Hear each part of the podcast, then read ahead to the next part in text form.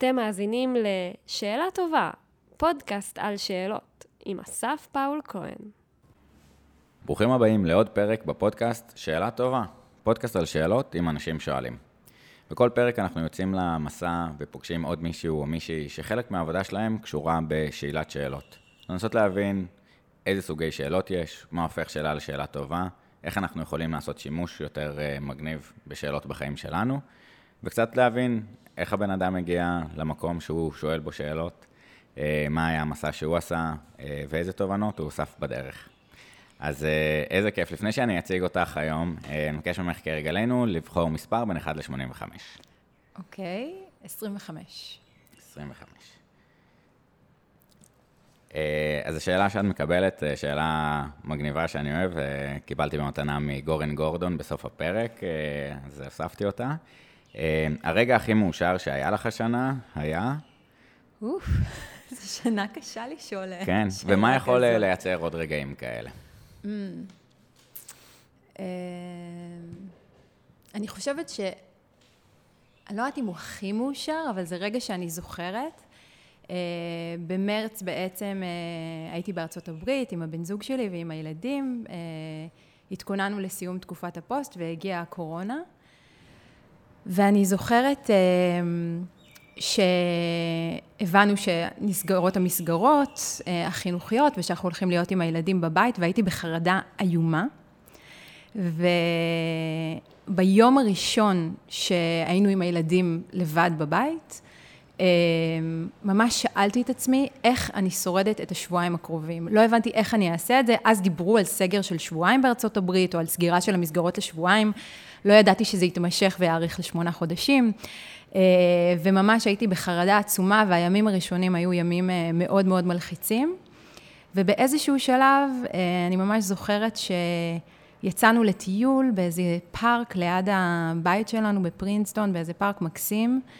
וכתפנו פרחים, וישבנו על האגם, והסתכלתי על הילדים שלי, הסתכלתי על הבן זוג שלי, וידעתי שיהיה בסדר, ושאנחנו יכולים לעבור את זה. אה, ואני חושבת שזה באמת היה הרגע הכי מאושר, שהבנתי שאנחנו יכולים להתמודד עם מה שהפנדמיק הזה אה, ינחית עלינו.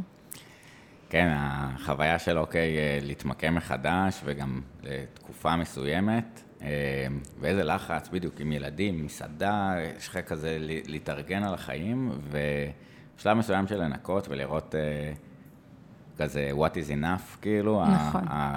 אתה הזה להעריך מחדש כזה, שאתה פתאום שם לב לדברים שהיית מפספס אה, ביום-יום, לשלוח את הילדים לבית ספר, לעשות את הרוטינה שלך. אמ, כן, איזה, מאוד... איזה נקודה כאילו לחזור אליה להסתכל. אז מה יכול עוד לייצר עוד רגעים כאלה? אני חושבת שלנצל הזדמנויות של לצאת מהשגרה שלך ומהיום-יום, אמ, ו- ולנסות, אה, ו- ובאמת לשאול את עצמך את השאלות, או לשאול את עצמי את השאלות הקשות, שמה עושה אותי מאושרת, אה, ומה, איזה דברים אני צריכה להוציא מהחיים שלי כרגע, אה, ומה אני צריכה להכניס לחיים שלי כרגע. היו הרבה דברים שלפני הקורונה לא היו חלק מהחיים שלי, ושהקורונה הביאה אותם, כי הייתי צריכה יותר דברים שעושים אותי שמחה להאחז בהם. Mm-hmm. אז uh, התחלתי לאפות, והתחלתי לעשות יוגה כל בוקר, והתחלתי לעשות דברים שבאמת uh, שיפרו לי את איכות החיים, וגם הוצאתי דברים ש... שלא התאימו לי, פרויקטים שהרגשתי שהם לא בשבילי, אנשים שהרגשתי שלא מביאים לי טוב לחיים. Uh, ואני חושבת שזו הייתה הזדמנות אה, לצמוח, ולא צריך משבר עולמי כדי כן. לעשות את זה, צריך פשוט באמת לזכור אה, מדי פעם לעצור רגע, ובאמת לעשות אה, התבוננות באיך שאתה חי את החיים. אז זה באמת זימן לנו ככה לכולם את העצירה הזאת, שאני חושב שהרבה פעמים בחיי היום-יום אנחנו מסתובבים ומוסיפים כל מיני דברים שאנחנו יכולים או שנדבקים עלינו, ובשעת משבר אתה מין מנער את הדברים, אתה צריך להיות אג'ייל, לשרוד, להבין, וההתבוננות הזאת שזה הכריח אותנו, זאת אומרת, אפילו השאלה של מה אני עושה עם הזמן שלי, שפתאום הזמן שלך הוא נתון בידך, אתה עובד מהבית, אתה יכול לקום יותר מוקדם לסיים את היום, אתה יכול אה, לעבוד לתוך הלילה, אתה יכול להיות יותר עם הילדים, אתה יכול לקרוא פתאום, זה משהו שאני רוצה לעשות, אז אה, מגניב. אני, אותי זה שלח... אה, גם באמת יותר לנו, למקומות ה... אז אני אגיד אחד, לקחתי מגורן גורדון את השאלה הזאת, כי בעצם זה היה די הסיטואציה שם, באותו, באותה תקופה. אמרתי, איזה כיף, כאילו, מדברים, מדע, שיחה, פרק מטורף, כאילו, העיף לי את הסכך שם בפרק, ואמרתי, אני רוצה עוד כאלה, איך אני עושה? איזה כיף שאנחנו מקליטים ועכשיו עושים. אמ, אבל לא, לא בהכרח כזה מקומות של אה, לטוס או דברים כאלה, אמ, יותר אה, שולח אותי לשיחה כזה עם אימא שלי, אמ, שהרבה פעמים אה, גם בתוך המרוץ של החיים וגם ביום-יום כזה מתפספס על הדרך, איך, איך היה, אוקיי, ודברים כאלה, והשיחות המשמעותיות הן הרבה פעמים בין לבין שיש לנו זמן מת, ו... וזה גם הסתכלות של, אה, עם כל ה... דיברנו קצת לפני, על terror management theory, ופתאום אנשים בכלל חושבים על מוות ביום-יום, שאנחנו החיה היחידה שיכולה לחשוב על המוות המתקרב שלה. אה, יש מחקר מגניב, נשים בלינק, אה, שעשו בבר אילן באמת, על חשיבה על המוות, ו... ואתה מבין שזה כזה ארעי, ולנצל את ה... את המקומות האלה לשיחה אמיתית, ולפתוח, ו- ולדבר, ולהתקרב, ולהיעזר, אז כפרה על אימא שלי.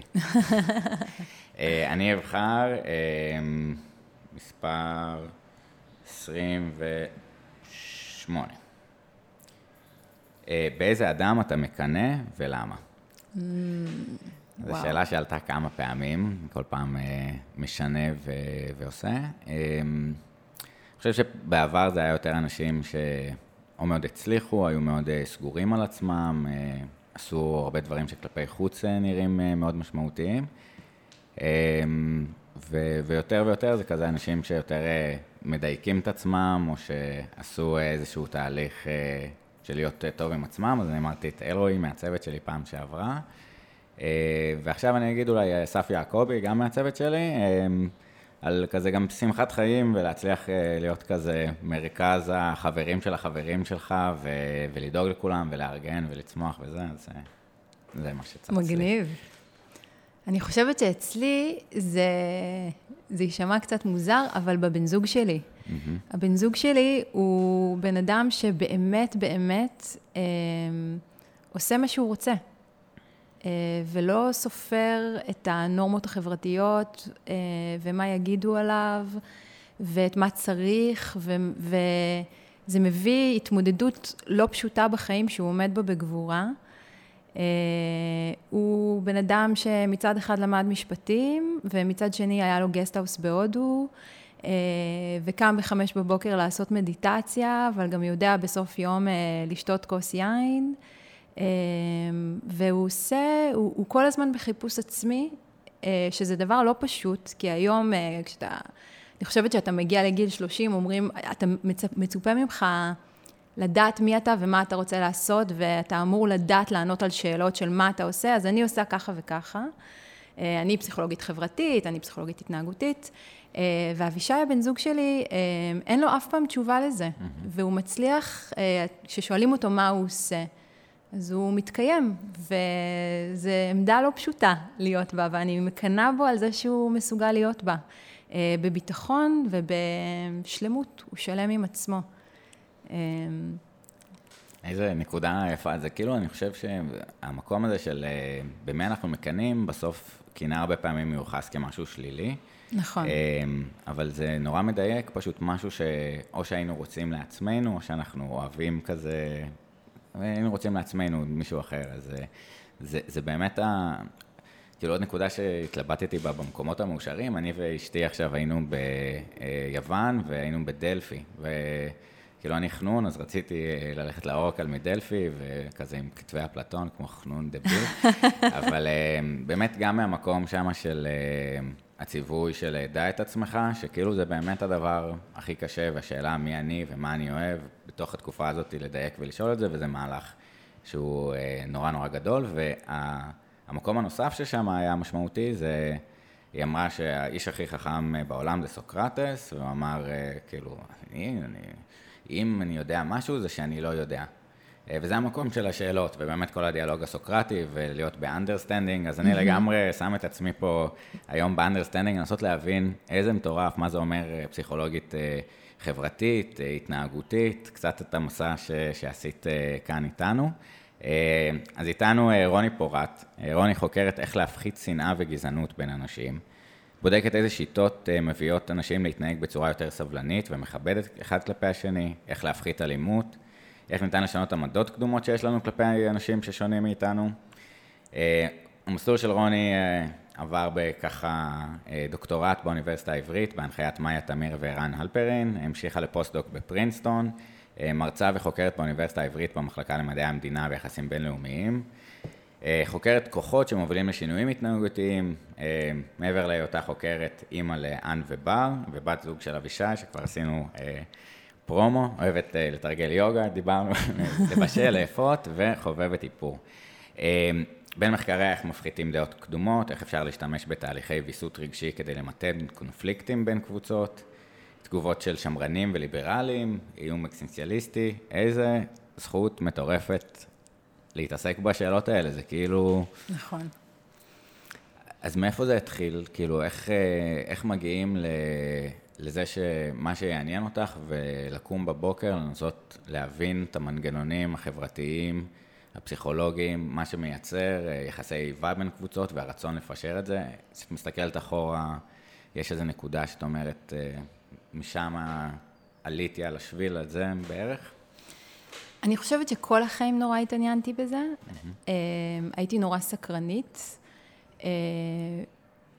לגדול במדינה שיש בה סכסוך מתמשך, שגובה כל הזמן מחירים וקורבנות ודורש התגייסות אה, מאוד מאוד השפיע עליי מגיל צעיר. תמיד שאלתי את עצמי אה, על המשוואה הזאת של חיים תמורת אדמה, ומגיל מאוד צעיר זה סקרן אותי.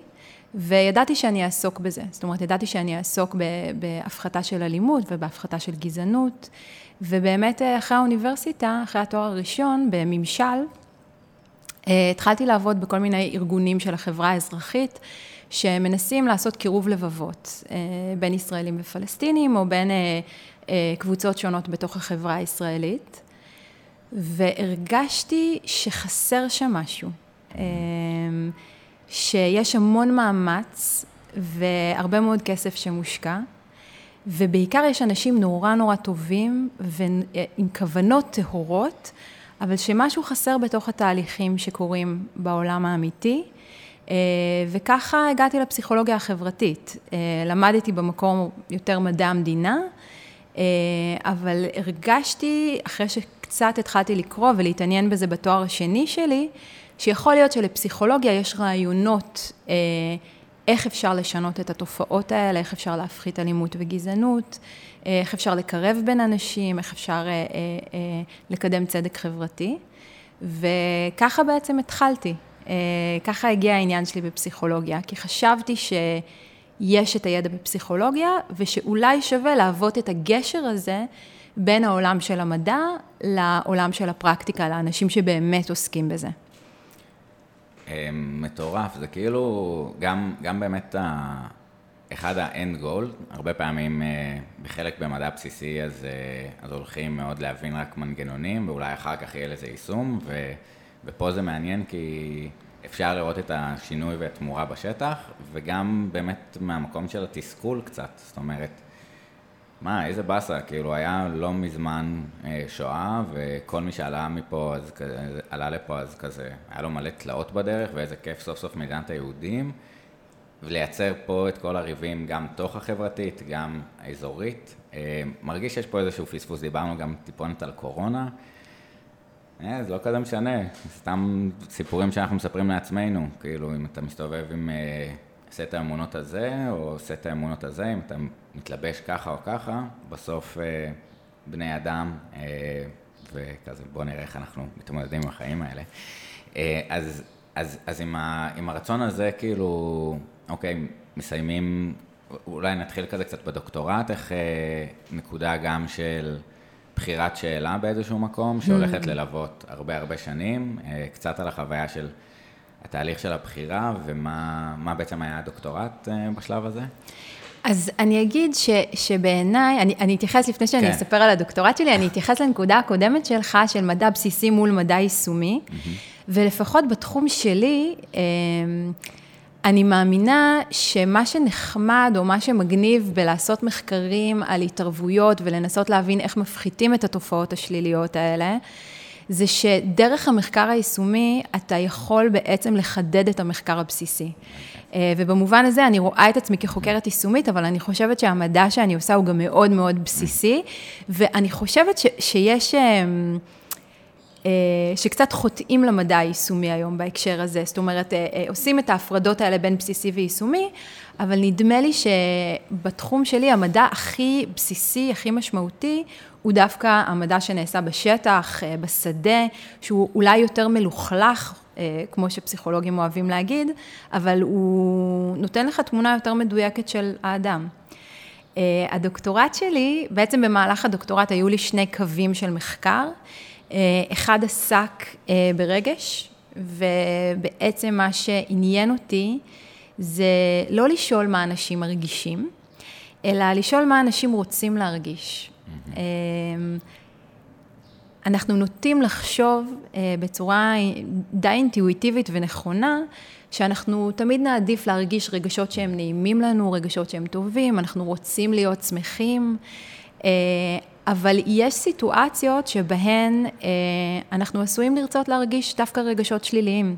אה, רגשות כמו כעס, רגשות כמו פחד, אה, מכל מיני טעמים פונקציונליים, כי הם עוזרים לנו לקדם מטרות מסוימות. למשל, כעס אמור לקדם מחאה חברתית וצדק חברתי. פחד הוא רגש אבולוציוני שאמור לעזור לי להתמודד עם איומים. אז הדוקטורט שלי באמת עסק ב... הוא שאל מתי בתוך מסגרת חברתית אנחנו רוצים להרגיש רגש שלילי, אה, מתי, מי רוצה להרגיש רגש שלילי, מה זה משרת, אה, ובאמת בצורה קצת אה, לא אינטואיטיבית, מצאתי שיש לא מעט סיטואציות, במיוחד כשחברה מצויה בתוך קונפליקט, בתוך סכסוך מתמשך, שאנשים רוצים להרגיש את הרגש השלילי הזה, אפילו שהוא מאוד לא נעים. אה, אפילו ש, שהחוויה הפיזית היא לא נעימה, אבל הרגש השלילי הזה עוזר. הוא עוזר לנו להצדיק את הפעולות שלנו, הוא מחזק את העמדות שלנו, הוא יכול לעזור לנו לגרום להרגיש צודקים יותר, מוסריים יותר, אז בצורה מאוד מפתיעה אנחנו עושים את זה. אני חושבת, אגב, שכולנו יודעים את זה אה, באיזשהו מקום. נגיד, התחלתי מיום הזיכרון. Mm-hmm. ו- וכשאתה חושב על זה, זו תופעה די מדהימה, והיא די ייחודית לישראל. זאת אומרת, בארצות הברית ממוריאל דיי זה, זה פסטיבל של, כן. כן, זה פסטיבל של שופינג, ובישראל אנחנו נורא עצובים, אנחנו פותחים טלוויזיה, אנחנו פותחים רדיו, כאילו, אנחנו עושים המון פעולות אקטיביות כדי להציב את עצמנו, וזה די מטורף. כאילו, באופן רציונלי, אם אדם חותר להיות מאושר, ביום הזיכרון הוא צריך ללכת לים, לסגור רדיו, לסגור טלוויזיה, אבל אנחנו לא עושים את זה בסופו של דבר, ואנחנו לא עושים את זה כי העצב הזה משרת אותנו. אנחנו רוצים להיות עצובים ביום הזיכרון, כי זה משרת את הפונקציות החברתיות שלנו, זה גורם לנו להרגיש שייכים, זה גורם לנו להתחבר לקבוצה שלנו, אה, וזה דבר די מטורף. ממש, אני חושבת. אני, אני, אני מחייך, אני זוכר את ה... כאילו, קראנו את המאמר הזה כשהיינו באוניברסיטה העברית, אה, וכאילו, אני זכרתי יותר באמת תחת אה, גם העבודה של מאיה תמיר באחד הקורסים, אמרתי, איזה מטורף. אחד, עוד מעט נעשה צעד אחורה להבין מה זה רגש, mm-hmm, אבל, mm-hmm. אבל אחד, השאלה של באמת ההבנה בתוך השאלה הזאת של מתי אנחנו רוצים לר... אם לרצות להרגיש משהו אחר, זה בכלל להבין שאנחנו יכולים לעשות ויסות אה, רגשי כזה, גם אה, הופכי, גם לא רק אה, בשלב של אני עצוב, אני רוצה להיות שמח. אני זוכר באמת במשא ומתן, או כל מיני מצבים שאתה רוצה להתכונן לקונפליקט הזה. אה, זה עוזר, אז העיף אותי כזה ההזדמנות אה, באמת לדבר על זה. אה, והבנה שיש את הרגשות השליליים, שאנחנו אומרים, יש להם תהליכים פונקציונליים, אני מפחד, אני נגעל, אני אוטם את כל הסוגרים, אני מקיא, אני סוגר את הגירוי החיצוני השלילי, פחד אני יותר נזהר, fight or flight, כעס, מוכן ל... אה, ונורא מעניין, כאילו, גם שרגשות חיוביים, ובמיוחד גם בתקופה הזאת, אה, יש להם גם השאלה הזאת של למה אנחנו צריכים רגשות אה, חיוביים, שאותי כאילו העיפה של באמת, רגע, נכון, אז מה, אז אחד, אם אנחנו מחזיקים באבולוציה, אז צריך שיהיה פה או איזה רווח משני או רווח ישיר, ו, וכיוונים של broaden and build theory של ברברה פרדריקסון, אני חושב שזה הפתיע, של כזה... גם מתח שנבנה ו- to undo the damaging, כאילו קשה לנו כשאנחנו בלחץ והקר בזמן ראה קורונה.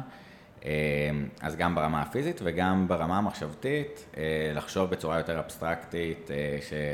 או יותר, פחות tunnel vision ש... שיש ברגשות שליליים, והכוח בדבר הזה. אז נכון. אז זה מעיף שאפשר כאילו באמת לדבר על זה. גורן גורדון, אה, כשהיה כאילו בשאלה, ולא לא מספיק קראתי טוב את המאמר אז, של מה, מה ההגדרה של רגש. תן לי הגדרה של רגש ואני אוכל להכניס את זה למערכת שאני מחשב איך אה, רובוט לומד, ואיך הוא לומד בצורה רגשית. אז איך תופסים אה, רגש, מושג כזה אמורפי וקשה? אולי. זה, זו שאלת השאלות, כי אני חושבת שיש המון המון ויכוח היום אה, על מהו רגש ואיך אנחנו מודדים רגש. אה, והאם יש בכלל אה, רגשות שונים כמו כעס ופחד, או שהאם הכל אה, איזושהי תולדה של הבניה חברתית? יש ויכוח גדול בעולם של חקר רגשות. אה, בין הגישות השונות, אה, למשל גישת הרגש הבסיסי שאומרת שיש רגשות בסיסיים כמו כעס, כמו פחד, אה, שכל אחד, גם אדם וגם חיות חווים. לעומת גישה למשל שמקדמת בשנים האחרונות, אני חושבת שאחת החוקרות הנערצות עליי, ליסה בארט פלדמן, ש, שבעצם מדברת על רגש בתור משהו שאנחנו מבנים, שהוא תולדה של הבניה חברתית. אה, אז קשה להגדיר מהו רגש, אה, אבל אני חושבת שבסופו של דבר אנחנו יודעים לזהות את הרגשות של עצמנו, אה, ואנחנו גם יודעים להבחין בהם. זאת אומרת, אם אני אבקש ממך, ערן אלפרין המנחה, אחד משני המנחים שלי, יש לו תרגיל שהוא עושה בכיתה, שהוא, שהוא תמיד עובד, הוא מבקש מסטודנטים לחשוב על סיטואציה שבה הם מאוד מאוד כעסו ולתאר אותה. ועולה סטודנט אחר סטודנט, סטודנטית אחרי סטודנטית, ומתארים את החוויה שעוררה אצלהם כעס, ומה הם הרגישו ואיך זה הרגיש, ורואים את הדמיון אה, בין הסטודנטים השונים. אז אני על הקונטיניום הזה של האם אה, יש בכלל רגשות אה, או שהאם זה, זה, יש רק רגשות חיוביים מול שליליים והכל תוצאה של הבניה חברתית, אני איפשהו באמצע, זאת אומרת, אני כן חושבת שעדיין חשוב לחקור רגשות ספציפיים, אה, אבל שגם שרגש הוא, הוא, הוא שונה מחברה לחברה והוא תוצאה של החוויות שלי ושל מה שאני מספרת לעצמי ואיך שאני מבנה אותו. אה, כן. כן, זה גם כאילו באמת, גם פה בדיון הזה נכנס העניין של אה, nature ו-nurture וקצת נכון. רב תרבותיות. זאת אומרת, יש את ה... אה, אקמן עם הפרצופים האוניברסליים, נכון, וגם בפפואה נכון. ניו גיני, אז אנחנו רואים איזשהו שחזור, וגם זה עושה לנו רציונל קצת אולי שלפני המוח הפרפרונטלי וכזה כל מיני פונקציות יותר מתקדמות שיש לנו כבני אדם, אה, שאנחנו יכולים לעשות איזושהי הטיה של המערכת לשרידות על בסיס סט תגובות, או להכין את המערכת לסט תגובות יותר מצומצם. Mm-hmm. אבל לגמרי נורא מעניין הדקויות והשינויים שיש, נגיד בושה בסין מול בושה בארצות הברית. נכון. ומה, או אני לא יודע איך, אבל וואי, איזה... נכון. יש גם רגשות, באמת שאנחנו גם יודעים שיש הבדלים בין תרבויות אה, ברגש, ושבארצות הברית happiness ו-displays of happiness, כאילו להציג אושר זה דבר שהוא מאוד מוערך ומאוד מקובל ומאוד נורמטיבי, ובמקומות אחרים זה לא ככה. אמ, וזה באמת תמיד שאלה נורא מעניינת, שבכלל אני חושבת במדע, אה, שהמון מהמדע שלנו נוצר במקומות מאוד מסוימים, אה, עם נבדקים או משתתפים מאוד מסוימים, וכמה זה נכון וכמה אפשר להשליך את זה על מקומות שונים בעולם, אה, כמה ממצא שהתקבל באייבי ליג בארצות הברית במחקר מעבדה עם סטודנטים, הוא נכון לחברה הישראלית, לסכסוך הישראלי-פלסטיני. אה, זה שאלות שאני מאוד עסוקה בהן. אז, אז זה באמת נפרוט גם קצת את, ה, את השאלה, חלק האופרציונלית, איך אנחנו בודקים, אז באמת הרבה פעמים הנבדקים במאמרים בפסיכולוגיה, זה סטודנטים לפסיכולוגיה, שיש נכון. לנו חתך מסוים, WEIRD אה, כאלה, white, נכון. נשים לינק. אה, ואנחנו אומרים כמה זה באמת רלוונטי החוצה. אה, ובכלל, כאילו, זה קצת השיח על diversity של איך אנחנו יכולים, אה, כאילו, אני אומר, האתגר פה בפסיכולוגיה חברתית זה, זה עוד יותר קשה, כי אתה תחת הנחה של בן אדם הוא בן אדם שאני מביא אותו ל... אה, למעבדה, אבל אני מביא סט מסוים של אנשים, סט מסוים של חשיבות, ואחר כך מנסה להשליך את ה...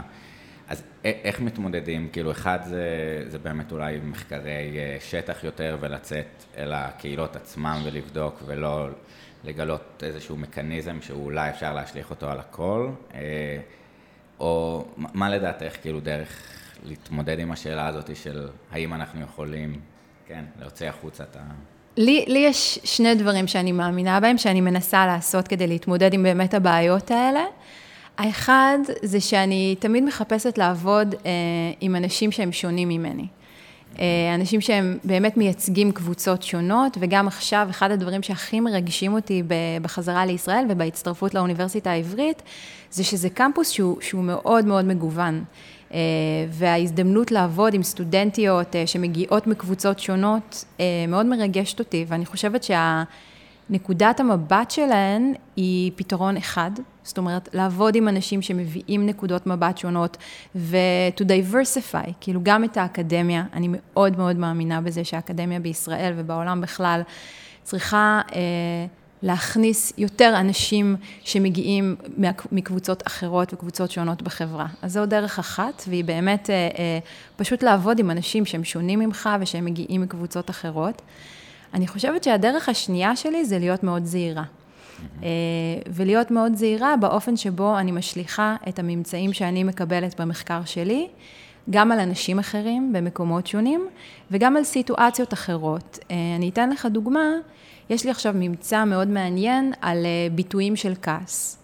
אה, ואני משתדלת, ו- וקיבלתי אותו בארצות הברית, דרך אה, מדגמים של אונליינים, כמו M-Talk וכאלה. ואני מאוד מאוד משתדלת במאמר שאני כותבת עכשיו, לא להגיד שמצאתי איזושהי אה, ממצא אוניברסלי, שהוא נכון לכל הסיטואציות, והוא נכון לכל בני האדם, משהו שאני חושבת שפסיכולוגים בעבר והיום פחות עשו. זאת אומרת שאם מצאת איזשהו משהו נקודתי במעבדה, הוא אוניברסלי. אמ, אז אני חושבת שאני מאוד נזהרת ביכולת שלי, או בטענות שאני טוענת, לגבי התוקף החיצוני של הדברים שלי. גם כשאני עושה מחקרי מעבדה, מחקרי אונליין, וגם במחקרי שדה, שאני מאמינה בתוקף שלהם, ואני חושבת שיש להם... אה, תוקף חיצוני הרבה יותר משמעותי לעומת מחקרי מעבדה או מחקרי אונליין, ועדיין אני מאוד נזהרת. זאת אומרת, לא להגיד שאם מצאתי משהו בחברה הישראלית, הוא גם נכון בהכרח לארצות הברית. אפשר לקבל ממנו השראה, אבל הוא דורש בדיקה. זאת אומרת, אה, להיות זהירים. כן, אז זה באמת הריגור האקדמי ובמקום אה, זהיר וצניעות אפיסטמית קצת, לגבי mm-hmm, מה אנחנו mm-hmm. יכולים... אה, לדבר על זה. זה מאוד ש... חסר באקדמיה. אה, נכון. צניעות, אה, כן. כי זה גם בא עם כאילו התנגשות מובנית קצת של פאבלשר או פרש, נכון. וחשיבות עצמית כזאת שבאסה, ש... כי המקום הבאמת סקרני, לנסות להבין את העולם, זה מה שמתדלק בסוף את המערכת, ושאלות של יותר אנשים מכיוונים שונים, זה מה שמחזק את זה. נורא מעניין. כאילו הרבה פעמים מחקר נגיד אה, פסיכולוגי, שבעולם של אה, פסיכולוגיה כבר אולי אה, ייראה מובן מאליו, או mm-hmm. אפקטים שהם ברורים. ברגע שעושים לזה אפליקציה בשדות אחרים, זה מייצר דברים מופלאים, והרבה פעמים פרסי נובל, בעיקר כי אין פרס נובל בפסיכולוגיה, אבל נכון. קנמן וטברסקי, ועכשיו נאג', טלר, של קצת להבין דברים מהעולם של הפסיכולוגיה, להשליך כלפי חוץ. אני חושב ש...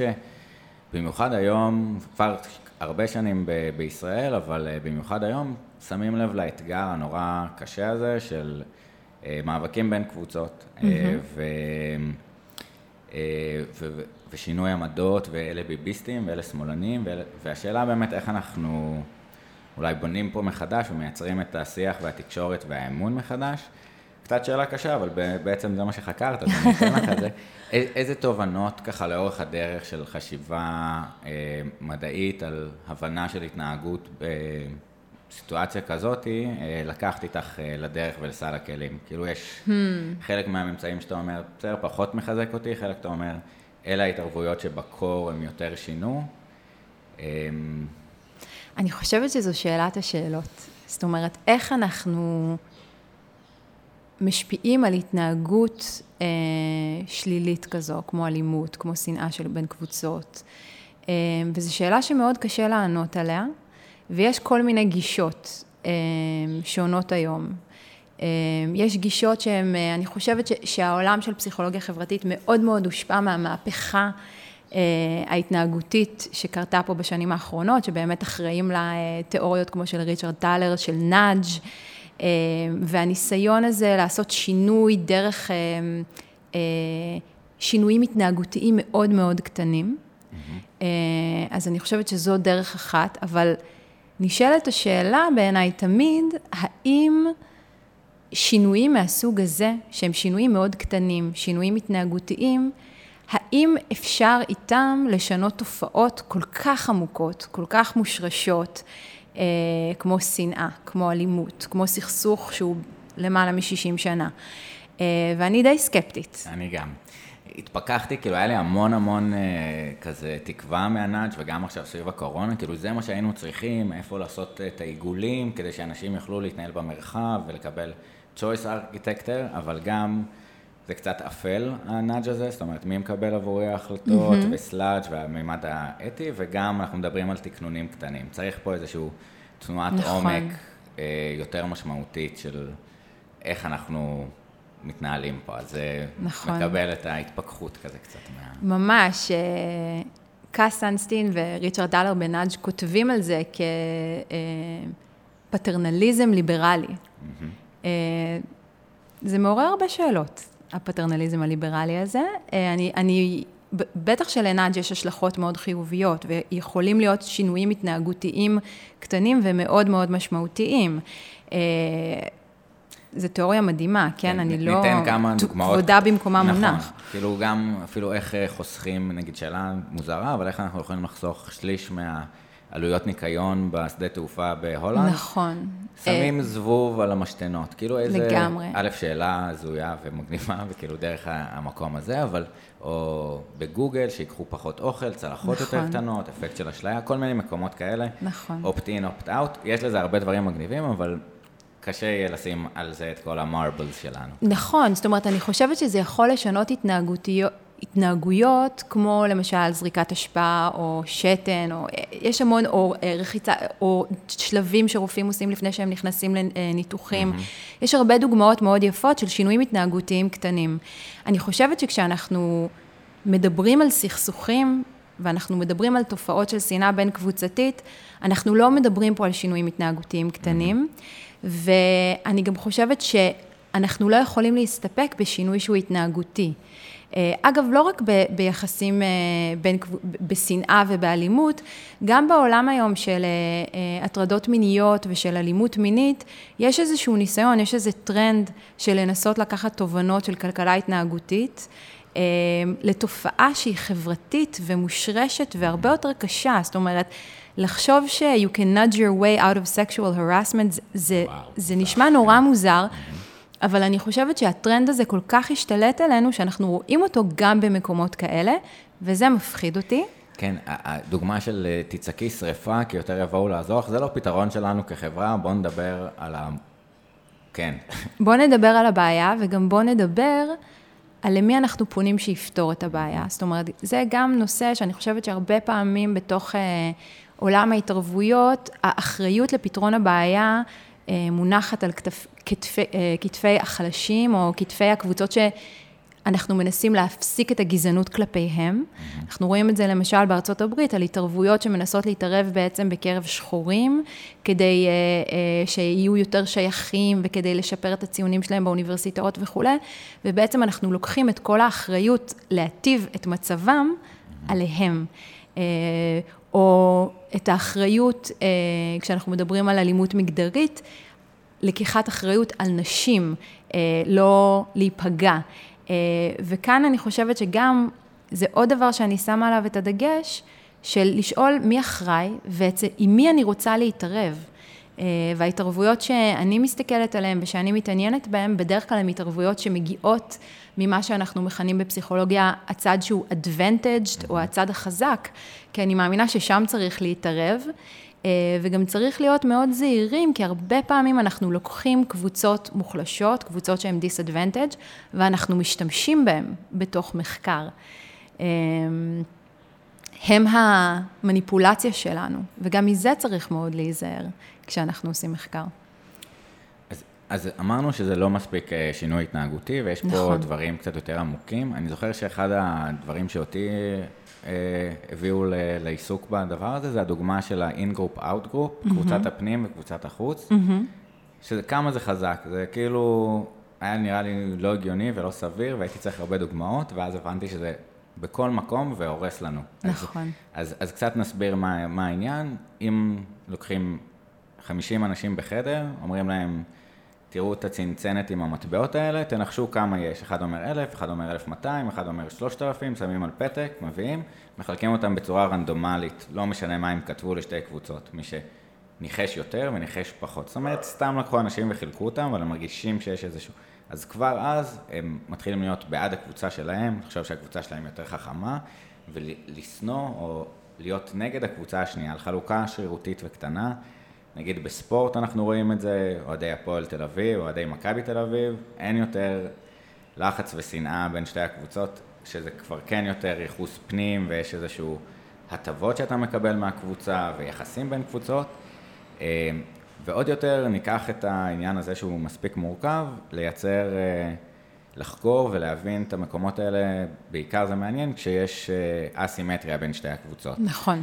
ואז גם בכלל עשינו מחקר אה, עם טלי קליינמן מהאוניברסיטה העברית על conflict mindset והורדת חשיבה סטריאוטיפית, ובכלל הצורה שבה אתה מקודד מידע כלפי קבוצת הפנים או קבוצת החוץ, נורא תלוי מאיזה קבוצה אתה משתייך. זאת אומרת, נגיד הייתי בצבא, אז אני יודע כבר להבין אה, כל אחד איפה הוא בדיוק שירת, לפי הכומתה, לפי הסיכה, לפי הזה. אה, ולהרבה מהציבוריות הישראלית יהיה קשה להבדיל אה, בין חרדים, שזה אותם סממנים שיש של הכובע שלו הוא ככה, הוא מחסידות בלז, הוא מחסידות כזאת. יש לנו out-group homogeneity effect, כאילו, לא אכפת לנו, כל הסינים נראים אותו דבר. נכון. והמקומות האלה, האתגרים שאני אומר, זה, זה מכוות עמוק, זה במוח היותר קדום שלנו, זה מנגנונים אבולוציוניים שפעם מאוד מאוד היה להם היגיון ועזרו לנו לשרוד, ועכשיו אנחנו רוצים להתעלות מעליהם. נכון. למרות שגם היום הם משרתים אותנו, זאת אומרת, אנחנו נמצאים בעולם שיש בו המון מידע, ואנחנו צריכים למצוא דרכים וקיצורי דרך, לאבד את המידע הזה, לדעת לסנן אותו. אמ, ובמובן הזה, הסטריאוטיפים שאנחנו מחזיקים, שהם לא תמיד גם שליליים, זאת אומרת, יש סטריאוטיפים חיוביים, mm-hmm. עוזרים לנו מאוד. צריך לשים לב מתי הם מטים אותנו אה, בצורה שהיא שלילית ושהיא נוגדת את הערכים שלנו ושאנחנו בעצם מוצאים את עצמנו מתנהגים ופועלים אה, בצורה שלא היינו, רוצים, שהיא נוגדת את, את, את הערכים הבסיסיים שלנו. אה, כן, זה, זה, זה תחום מדהים, זאת אומרת, אני חושבת שדיברת מקודם על ה... מתי מתרחש קונפליקט, והזכרת את המחקר של הנרי טג'פל, אה, שאנחנו קוראים לו היום תיאוריית הקבוצה המינימלית, שמספיק שנחלק אנשים בצורה אקראית לחלוטין לשתי קבוצות, וכבר תיווצר תחרותיות. אה, זה, זה ממצא מטורף, זאת אומרת, זה קבוצות שאין להן זיכרון. אין להם אה, זיכרון קולקטיבי, חוויות משותפות, אין שום דבר משותף לקבוצות האלה, ועדיין, מהרגע שאומרים לך שאתה שייך לקבוצה, מתחיל להתעורר אצלך איזשהו סנטימנט חיובי כלפי אותה קבוצה, ואתה פועל בצורה שתקדם את הקבוצה שלך, אפילו שאין לה משמעות, אפילו שאתה בתוך מחקר, אפילו שאתה יודע שאתה בתוך מחקר. אה, זה דבר מטורף, אה, ואפשר להבין איך בקבוצות שיש להן משמעות, ויש להן היסטוריה, ויש להן זיכרון קולקטיבי, השייכות הקבוצתית הזאת הופכת להיות חזות הכל. ואני לא בעד לבטל אותה, אני לא חושבת, אני חושבת שהיא פונקציונלית ואני חושבת שהיא חשובה, ואני גם חושבת שבמידה מסוימת המחקרים האלה של תג'פל אה, מראים שהיא בסיסית, זאת אומרת שהיא חלק מהטבע שלנו. אה, אני חושבת שצריך לנסות להתגבר על זה, אה, ואני באמת מאמינה, אם דיברנו מקודם על מהפכת ההתנהגות והשינויים ההתנהגותיים, שהאופן להתגבר על הדברים האלה היא דרך חוויות שהן יותר קולקטיביסטיות. היא דרך חוויות, שינוי שהוא יותר מוסדי, רציני, שכולל הרבה מאוד אנשים, ולא רק איזשהו תרגיל שאני עושה עם עצמי. זהו, זה, זה היה לי נורא מתסכל, אני מסכים איתך, וזה באסה כי זו ספינה יותר כבדה, אבל נגיד בסרט על RGB, רות ביידר גינסבורג, mm-hmm. באמת על נושא. שקצת דיברנו עליו, על מגדר ויחסים לא שוויוניים בתוך החברה, שוב אפשר להסתכל על זה כחצי in-group, out-group. זה לא מספיק שכזה, יאללה, נהיה עכשיו יותר ובוא נבין שלתת גם אחריות לגברים לעשות את זה, היה צורך בחקיקה ודרך uh, חקיקה של בית המשפט העליון לייצר מציאות ש... אה, הנה עכשיו אה, equal pay וזה שאינוס אה, בעלים. לגמרי. דברים שאפשר היה, ואנחנו יכולים לדבר מעולמות של החינוך, שזה צריך להגיע מהסברה וזה, אבל מומנטומים שהם גם וגם. אבל הרבה, כאילו אני שואל, קצת מאולי ממקום, שהרבה פעמים אנחנו... כאנשים שהם מדריכים איזושהי קבוצה בצופים, או שכבה בקיבוץ, או מנסים לייצר שיח אה, מחבר בין קבוצות, בין קונפליקטים, בין אם בארץ ובין אם בעולם. אה, והרבה פעמים עובדים על בסיס האינטואיציה של מה שאנחנו מרגישים, mm-hmm. או כמה ספרים שקראנו, או דיאלוג, חינוך דיאלוגי, פאולו פררה העיף אותך ואתה מנסה את זה. מעניין אותי לנסות באמת עוד פעם קצת לראות איזה תובנות של דברים ש, שיותר עובדים, לא ברמת המניפולציה mm-hmm. היותר קטנה, אלא... נכון. עולמות תיאורטיים שאנחנו כפסיכולוגיה, בפסיכולוגיה חברתית יכולים להציע קצת. נכון. להסתכל על זה. אני חושבת שיש כיוונים שפסיכולוגיה חברתית mm-hmm. התחילה ממחקרים שהדגימו את הכוח, את הכוחות החברתיים שמשפיעים עלינו כפרטים. זה התחיל ממחקרי הציוד של מילגרם, זה התחיל מהדגמת בתי הכלא של זימברדו. זה המקור שלנו, שאנחנו מבינים כמה השפעה יש לאנשים בעלי סמכות וכמה השפעה יש להם עלינו. ובאיזשהו שלב בדרך זנחנו את קצת את התיאוריות האלה של מהם הכוחות החברתיים הגדולים שיכולים להוביל לשינוי התנהגות והלכנו לכיוון היותר התנהגותי. אז אם אני צריכה לחשוב על תיאוריות באמת שהן מראות ממצאים יותר מבטיחים בעולם אה, אה, של אלימות בין קבוצות, למשל אפשר לקחת אה, מחקרים שנעשים על נורמות קבוצתיות. שנורמות, בשונה מחוקים קונקרטיים שנחקקים בפרלמנט, זה החוקים הלא כתובים שאנחנו מתנהלים לאורם בחברה. אנחנו יודעים מה מותר ומה אסור, אפילו שזה לא כתוב בשום מקום, ואני אגיד יותר מזה על נורמות, לא רק שאנחנו יודעים את הנורמות של הקבוצות שלנו, יש לנו מוטיבציה מאוד מאוד גדולה להבין את הנורמות ולהתנהג בצורה נורמטיבית. Mm-hmm. כי אף אחד בעצם, או רוב בני האדם, לא אוהבים להיות מי שמרעיד את הספינה, נכון? אנחנו לא אוהבים להיות מי שמתנהג בצורה חריגה, או מי שמתנהג בצורה לא נורמטיבית, אנחנו מאוד מפחדים או רוצים להימנע מהאנשה החברתית שיכולה להגיע. אז אנשים יש להם מוטיבציה להבין את הנורמות ולפעול לפי הנורמות, ואני חושבת שכיוון אחד שבאמת הראה הרבה הבטחה, זה שינויים נורמטיביים. זאת אומרת, איך אני יכול להשפיע ולהפחית אלימות דרך השפעה על מה הנורמה באותה קבוצה. אה, וכאן זה בדיוק הדוגמה הקלאסית למה אני מתכוונת שאני אומרת לתהליכים שהם...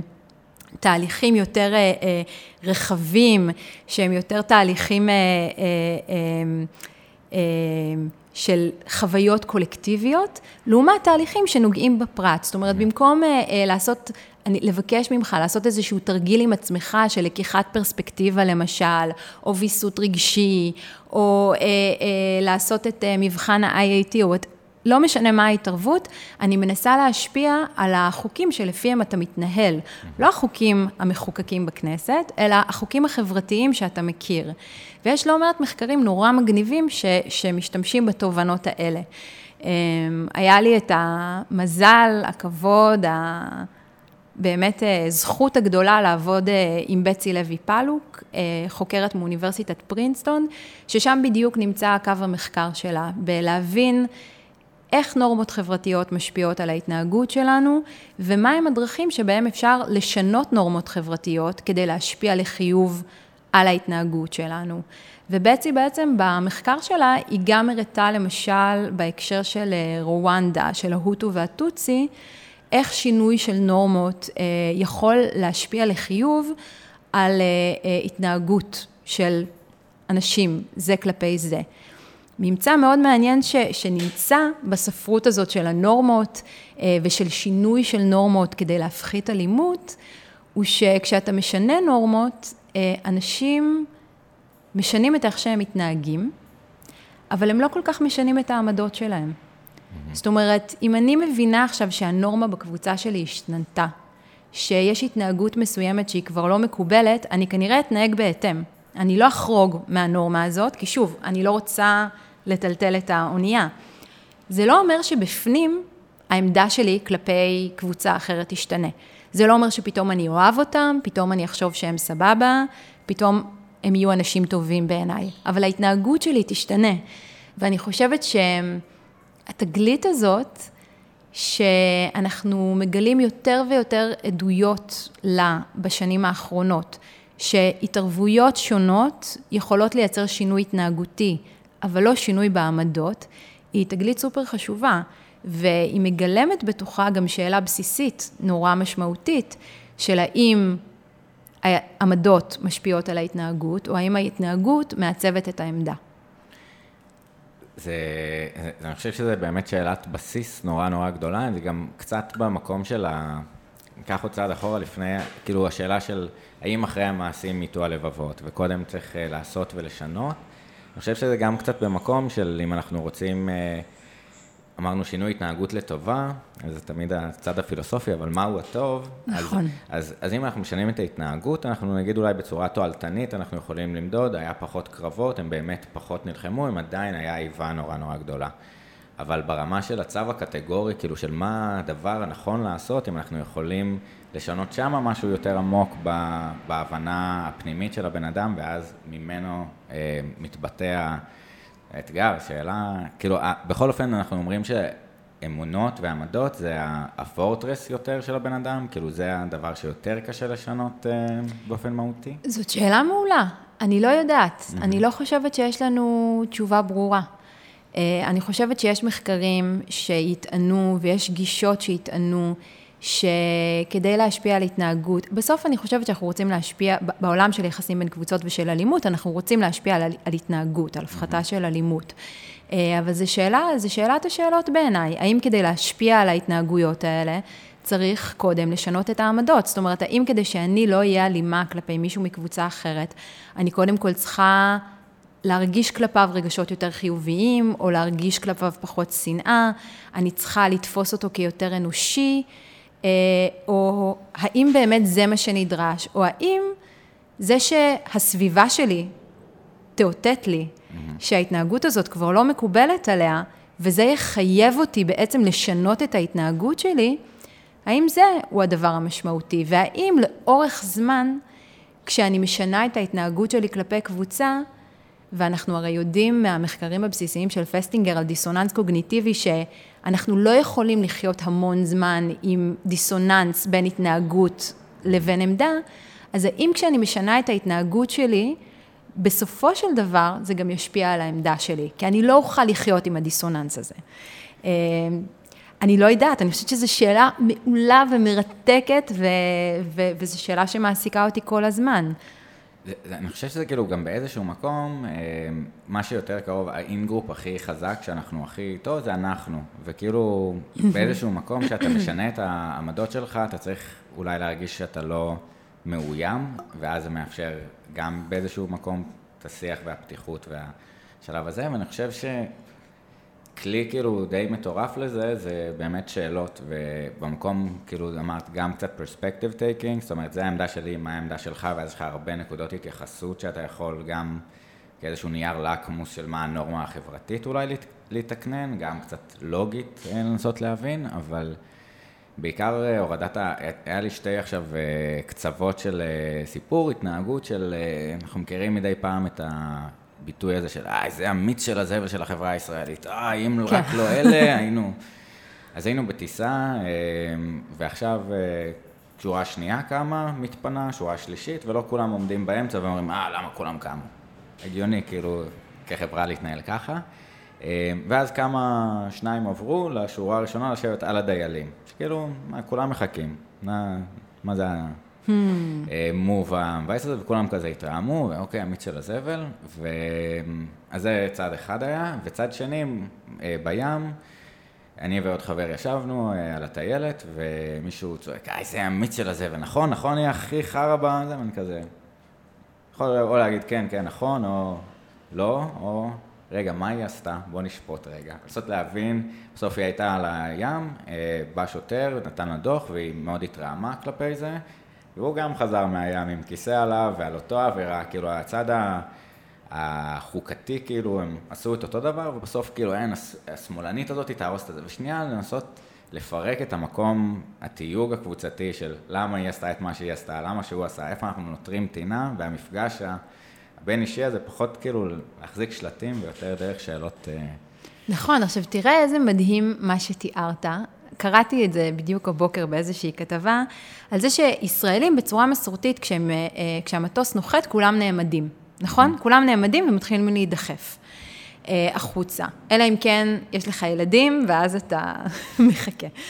אה, ותראה איך הדבר הזה, שחשבנו שהוא חלק ממי שאנחנו, שהוא בלתי ניתן לשינוי, הצלחנו לשנות כל כך בקלות. זאת אומרת, ברגע שהודיעו לך, נכון? ברגע שאנשי המטוס ידעו, אנשים, הנוסעים ידעו שצריך להתפנות שורה אחרי שורה, כולם עשו את זה בלי בעיה. אמ, שינו את ההתנהגות שלהם בלי בעיה, שזה דבר אה, אה, די מדהים. אה, אז זו התערבות מסוג אחד, אתה בעצם מצביע בש, בשני הסיפורים שלך על שתי התערבויות, נכון? זאת התערבות שיותר, הנורמות השתנו, החוקים של ההתנהגות השתנו.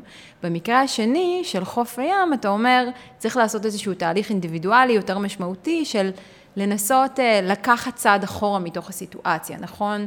אנחנו עושים את זה הרבה פעמים כשאנחנו מלמדים אנשים לווסת את הרגשות שלהם. זאת אומרת, תנסה להוציא את עצמך רגע מהסיטואציה, תנסה להסתכל עליה כאילו היית, כאילו אתה ניו זילנדי שנחת עכשיו בחוף הים ומנסה להבין מה קורה.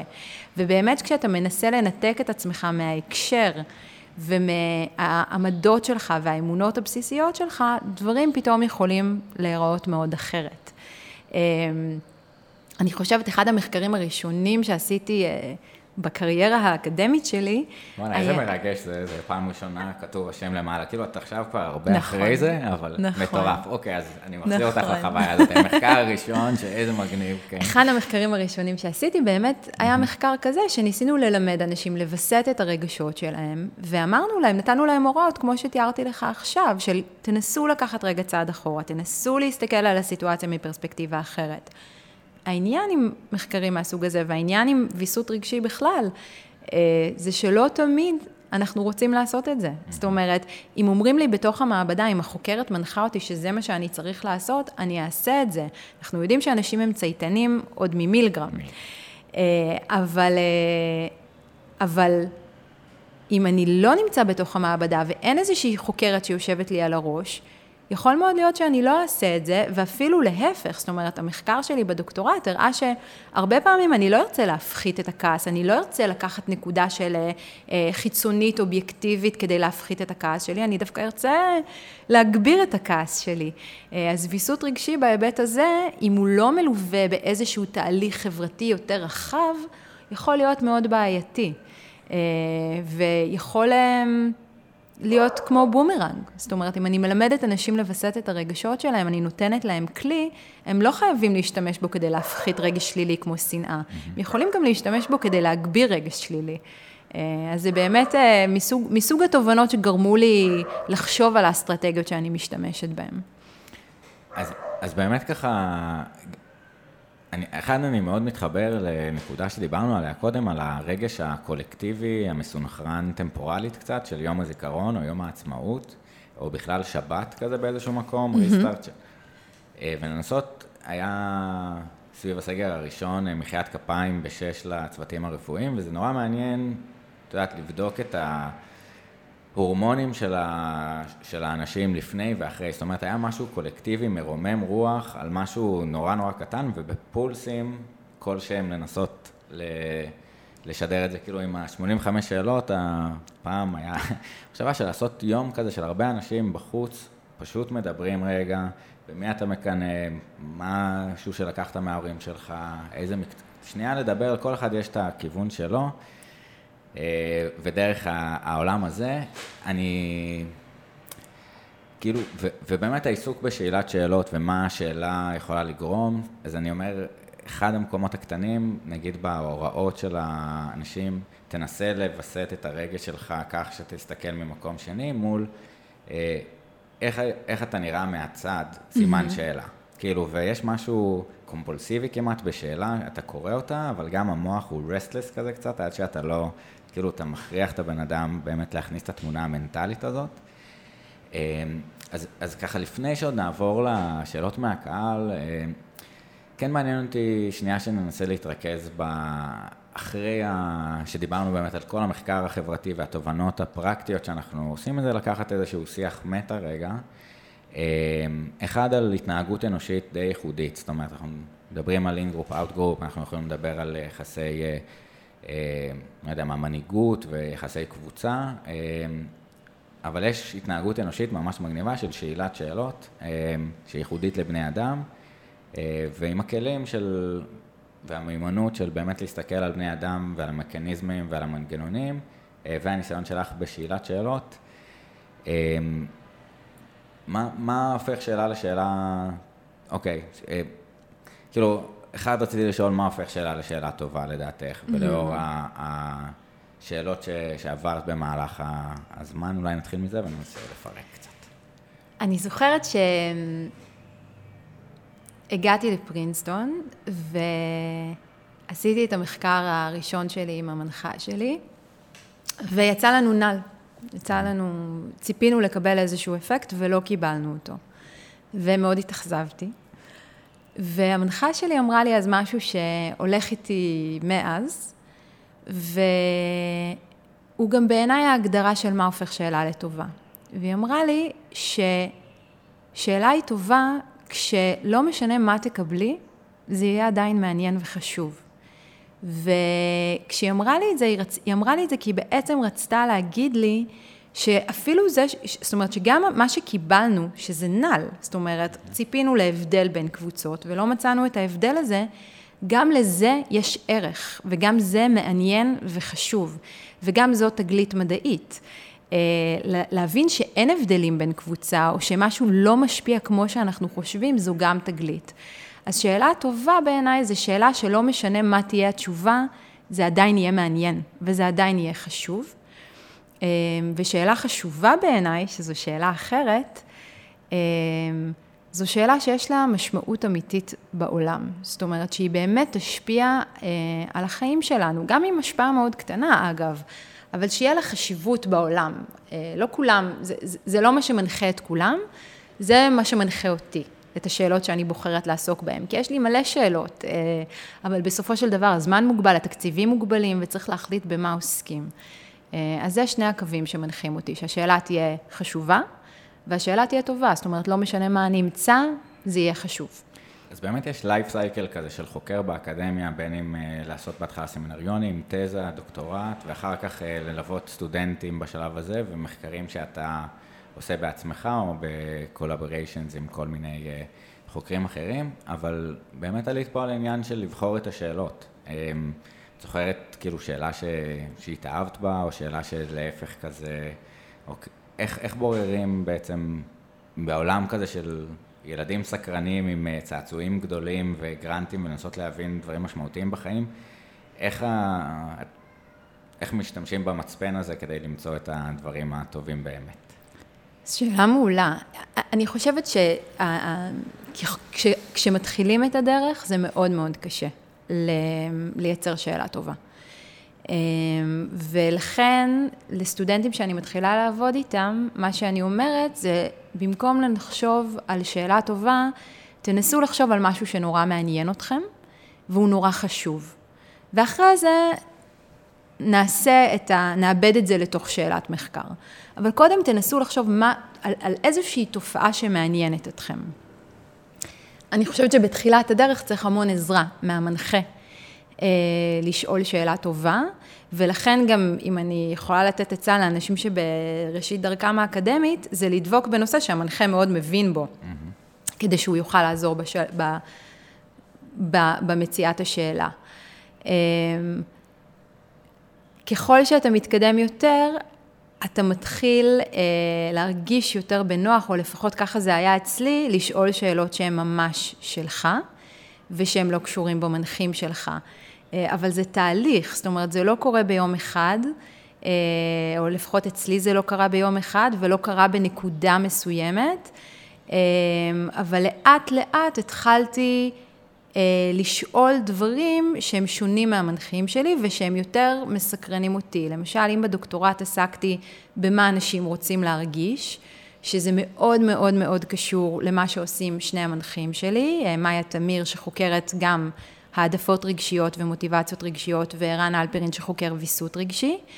אמ, ולאט לאט במהלך הפוסט-דוק והיום אני חוקרת אה, איך ביטויים רגשיים משפיעים, מה האפקט של ביטוי רגשי, זאת אומרת, אם בדוקטורט שאלתי האם אנשים רוצים להרגיש כעס, היום אני שואלת מה קורה כשהם מרגישים כעס ומבטאים אותו. הרי אנחנו, הגעתי לתובנה שאנשים רוצים להרגיש כעס כי הם חושבים שזה יהיה להם אינסטרומנטלי, שזה ישרת מטרות שונות. והיום אני שואלת, האם זה באמת ישרת את המטרות האלה? אה, והגעתי לזה אחרי דרך מאוד ארוכה, שלקחה הרבה שנים, אה, אבל אה, היום זה מה שמעניין אותי לחקור. או שבעבר הסתכלתי על התערבויות יותר התנהגותיות, יותר, יותר קטנות שקשורות ברגשות, והיום עשיתי איזשהו שיפט לנסות לחשוב על התערבויות שהן יותר גדולות, יותר קשורות בכוחות חברתיים ומה שדיברנו עליו קודם. זה לוקח זמן, והטיפ שלי זה להיות נורא סבלני. אה, עם עצמך ועם אנשים סביבך, ולהבין שזה קשה. זאת אומרת, צריך לצבור ניסיון של הרבה שנים, אני חושבת, אה, כדי להגיע לזה. כמעט אין אנשים שאני מכירה לפחות, או שנתקלתי בהם, שמגיעים לזה בצורה לבד מיד. זאת אומרת, זה תהליך. זה, זה באמת גם כאילו המקום של אחד האבולוציה של השאלות, ו, וגם דיברנו בהתחלה על הריגר והצניעות האפיסטמית, זאת אומרת, הוכחתי או חיזקתי את הטענה שבאמת ההתנהגות הזאת היא מתקיימת, עכשיו אני יכולה להתפנות לבנות על זה, והארכיאולוגיה נכון. של השאלת שאלות אה, נכון. אה, מצד אחד, וגם שאנחנו צריכים לשהות הרבה פעמים עם השאלה, וזה בסדר שהשאלה תהיה הרבה זמן, ולהתייעץ לגמרי, זה מגניב, תודה. לגמרי, אני גם אגיד בהקשר הזה שאחד הדברים, אני חושבת שכמו רוב האנשים שבאקדמיה שסובלים ממה שאנחנו קוראים לו אימפוסטר סינדרום, mm-hmm. סינדרום המתחזה, גם אני כמובן סבלתי ממנו, זה סינדרום שמאפיין אנשים באקדמיה בכלל ונשים בפרט, ואנשים מקבוצות מיעוט. אה, ולקחתי הרבה שנים לצבור אומץ, להציג רעיונות שלי שהם מאוד בוסריים, אה, ולקבל עליהם פידבק. אה, וזה דבר שצריך ללמוד לעשות, וזה באמת, אני חושבת שהתהליכי צמיחה הכי משמעותיים שלי קרו כשנתתי לאנשים מבחוץ לתת לי פידבק על רעיונות שהם בוסר, אה, לא, מאמר, לא מחקר שכבר אני בכתיבת המאמר שלו, אלא לפני שאני מריצה אותו. אה, זה, אני חושב שזה באמת קצת בשיח האינטרדיסציפלינרי פה, אה, באקדמיה זה נשמע מוזר, מה אתה, איך, וזה מפחיד וצריך לצאת מהביטחון הפסיכולוגי ולשתף משהו שהוא בוסר, ובעולמות של הייטק עכשיו ובפרקים של חוויית משתמש וניהול מוצר זה חובה, להיות agile, להוציא את זה ישר, לעשות איטרציות, לקבל את הפידבק ו... אם אה, פסיכולוגיה לפעמים יכולים אה, זה, אז, אז גם כאקדמים, שנדע לאמץ אה, שיטות של שאלת שאלות בצורה אחרת, אז גם מתנה טובה של... כי בסוף אנחנו רוצים כן את החדשנות ואת הדיוק, novelty, גם novelty וגם utility, גם שזה באמת יעשה איזה שינוי בעולם, אבל גם הנקודה המחדשת והמגניבה הזאת. אז לפני שנעבור לשיטות, לשאלות מהקהל, שאלה שככה, איזה, איזה שימוש היינו יכולים אה, לעשות בשאלת שאלות יותר בחברה הישראלית, כדי שיהיה לנו פה יותר טוב? Hmm. שלך. שאלה מעולה. אמ, מה שאני מנסה לעשות כמרצה, ואני אפילו כותבת בסילבוס שלי, אני מבקשת מהסטודנטים שלי לשאול שאלות. Mm-hmm. אני חושבת שאנחנו לא מספיק עושים את זה. אמ, ואני מבקשת מהסטודנטים שלי להטיל ספק. אה, אני נגד, זאת אומרת, אני לא מעודדת אנשים להטיל ספק במדע וכולי, אני חושבת שזה אפילו קצת משוגע. אה, בעיקר היום בעידן הקורונה, אבל אני חושבת שלא צריך לקבל דברים כמובנים מאליהם. וזה מה שהייתי, אני חושבת שככה שאלת שאלות יכולה לשרת את החברה הישראלית. שלא לקבל דברים כמובנים מאליהם, לא מה שאומרים לנו המנהיגים שלנו, אה, ולשאול שאלות ולהטיל ספק. אה, לא כדי לייצר אנרכיה, אלא באמת להבין תהליכים בצורה יותר נכונה. אמ, הטלת ספק באקדמיה זה ה-bread and butter שלנו, ואני חושבת שזה היה טוב אם זה היה ככה גם במקומות אחרים בעולם. אני ממש מקבל, אני חושב שגם אפילו מדע ככללותו יכול לעמוד בספק, הרבה פעמים שעושים אה, ספק רציני במדע, זה נקרא פילוסופיה של המדע, ולנסות להבין מה אנחנו יכולים לעשות, אה, וגם כל מחקר בפני עצמו, להטיל ספק בממצאים או בשיטה, ברעיונות. אמ, אבל, אה, אבל לגמרי לקחת את המקום הזה של הספק, אני אלביש עליו עוד אה, שכבה אחת. אה, דקארט כתב את ההגיונות, ספק היפורבולי בהכל, כאילו אולי אין עולם, שד מתעתע, אני לא יודע מתמטיקה כבר, שד מתעתע, הכי, אבל לפני כן הוא כתב במאמר על המתודה, אני הולך עכשיו לצאת למהלך ספקני מאוד מאוד גדול, ועד שאני אעשה את הבירורים שלי, אה, עדיף שאני לא אסטה יותר מדי ואהיה קיצוני בדעות שלי, כי אני לא יודע. אה, וככה, אה, סטייה מהממוצע, ככל שאנחנו יותר קרובים לממוצע, יש פחות סיכוי שנטעה. גם קצת דיברנו על הנורמות, אולי זה נכון. מתחבר פה. אבל לגמרי, וואי, להיות ספקנים. וזה גם קשה, זאת אומרת, הרבה פעמים אנחנו, זה קצת להטיל את האחריות על האוכלוסייה המוחלשת, המסכנים, הסטודנטים. נכון. כי זה קשה וזה מפדח להרים אה, יד בכיתה או כאלה. עכשיו אנחנו מתחילים בפרק אה, אחד הבאים, אה, נדבר עם יואב רוזנברג, שהוא מנכ"ל של מנט, שזה איזה פלטפורמה שנשתמש בה עכשיו גם בבינתחומי באיזה ניסיון של לאפשר לסטודנטים offline, אסינכרונית, לייצר דיון סביב שאלה ואיזשהו mm. דיון מגניב, אז כלי שעוד נראה בזה, אבל מגניב. אז קצת שאלות מהקהל. מירב רוזמן שואלת, נפלא, אה, שמחה לשמוע פרשנות מדעית למה שקורה אצלנו עכשיו. למשל, איך היית מייעצת לאנשי מחאת הדגלים השחורים, קריים מיניסטר, איך משכנעים את המשוכנעים? וואו, זו שאלה קשה. כן. אה, איך לשכנע את מי ש... זאת אומרת, באמת אחת הבעיות זה שאני חושבת שתנועות שונות, אני ראיתי את זה בעיקר בתנועות שלום, ש... שעבדתי איתן קצת, בסופו של דבר הקהל שהן מגיעות אליו זה קהל שמי שכבר שוכנע מראש, mm-hmm. ומאוד קשה לפרוץ לקהלים שהם עם עמדות אחרות. אני חושבת בכנות שצריך להגיע למקומות האלה.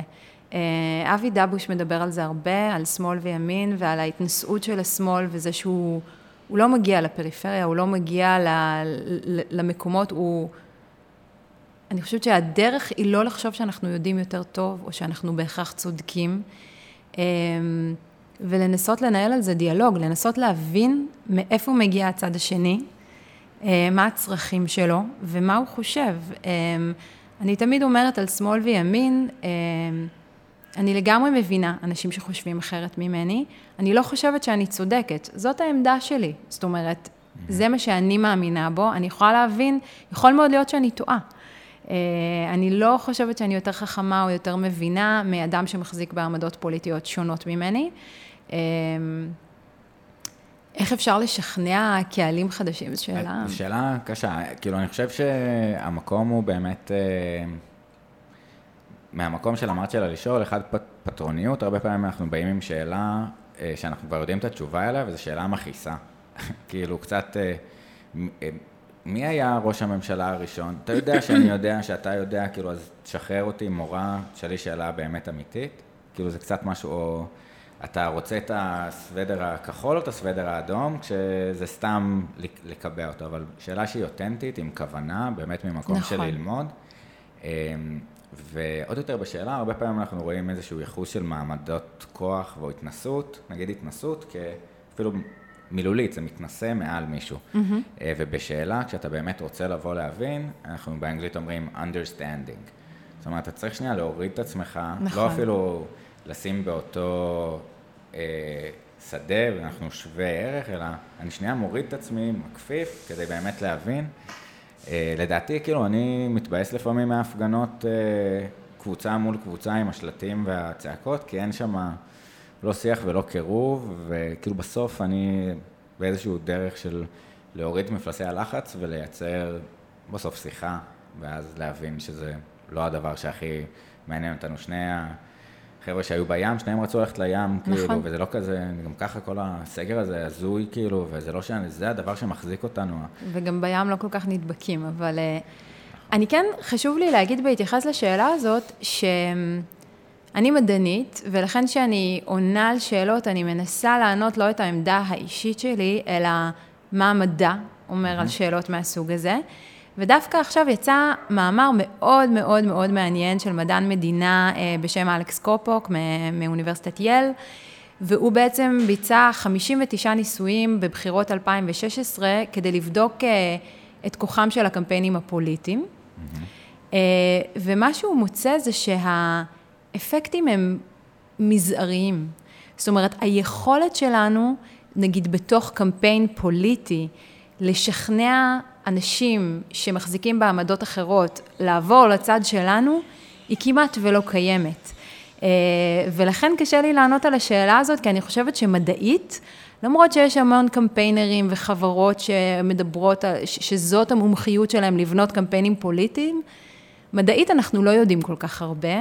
אה, והשיטות האלה, אה, השונות שקמפיינרים משתמשים בהן, הן לא ממש בדוקות. אה, וכשבודקים אותן, מגלים שההשפעה שלהן היא מינימלית. כן, דיברנו על זה באמת קצת בפרק עם חגי אלקיים. על מצד אחד יש לו פודקאסט נהדר, הספינר, מאוד ממליץ.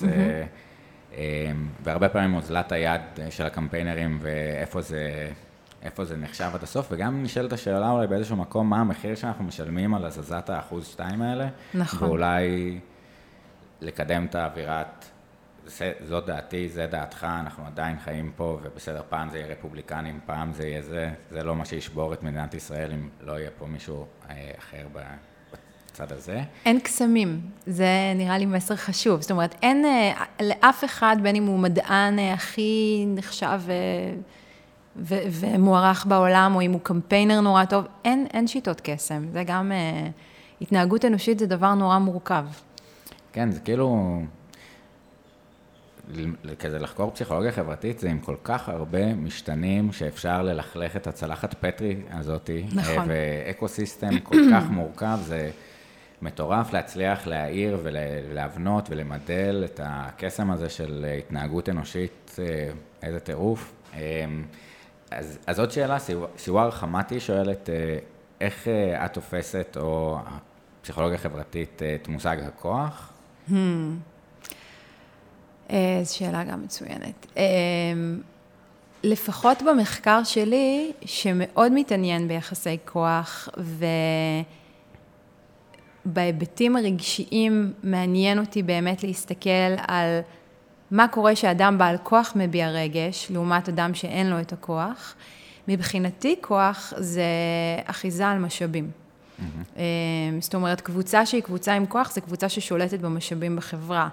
אה, במדינת ישראל זה יכול להיות יהודים, זה יכול להיות גברים, זה בדר... היום זה אשכנזים, אה, זה כוח מבחינתי, וככה אני מגדירה מי שייך לקבוצות שמחזיקות בכוח, ומי שייך לקבוצות אה, אה, שלא מחזיקות בכוח.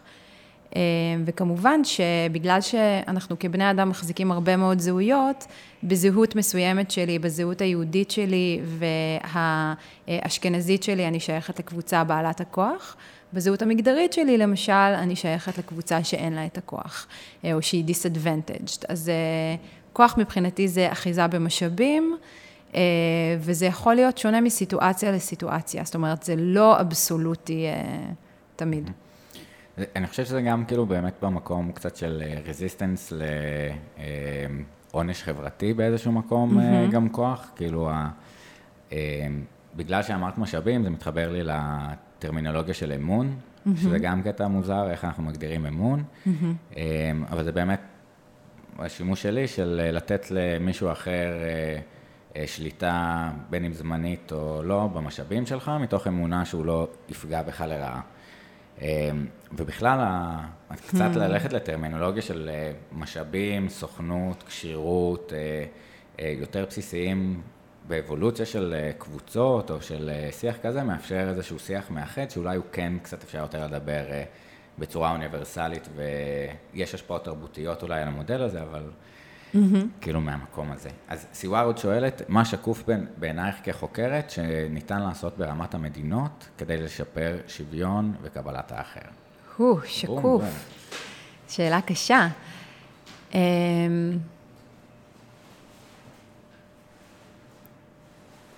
זה קצת כללי בשבילי. אה, אני חושבת שזה, ש, שבתחומים שונים צריך לעשות דברים שונים. אה, כמו שהתחלתי למשל בעולם האקדמי, אני חושבת שצריך לנסות, סליחה, אה, להכניס כמה שיותר קבוצות לתוך הספירה האקדמית, שהיא היום נשלטת על ידי קבוצות חזקות בצורה מאוד ברורה, וזה מסיט את המחקר בכיוונים מאוד מסוימים.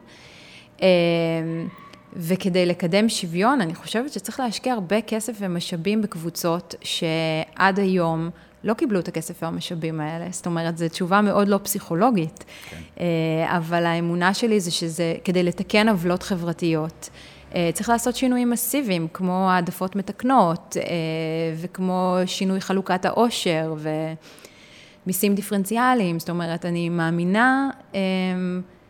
בדברים שהם פחות פסיכולוגיים ויותר ממשיים, כדי להוביל תהליכי שוויון גדולים.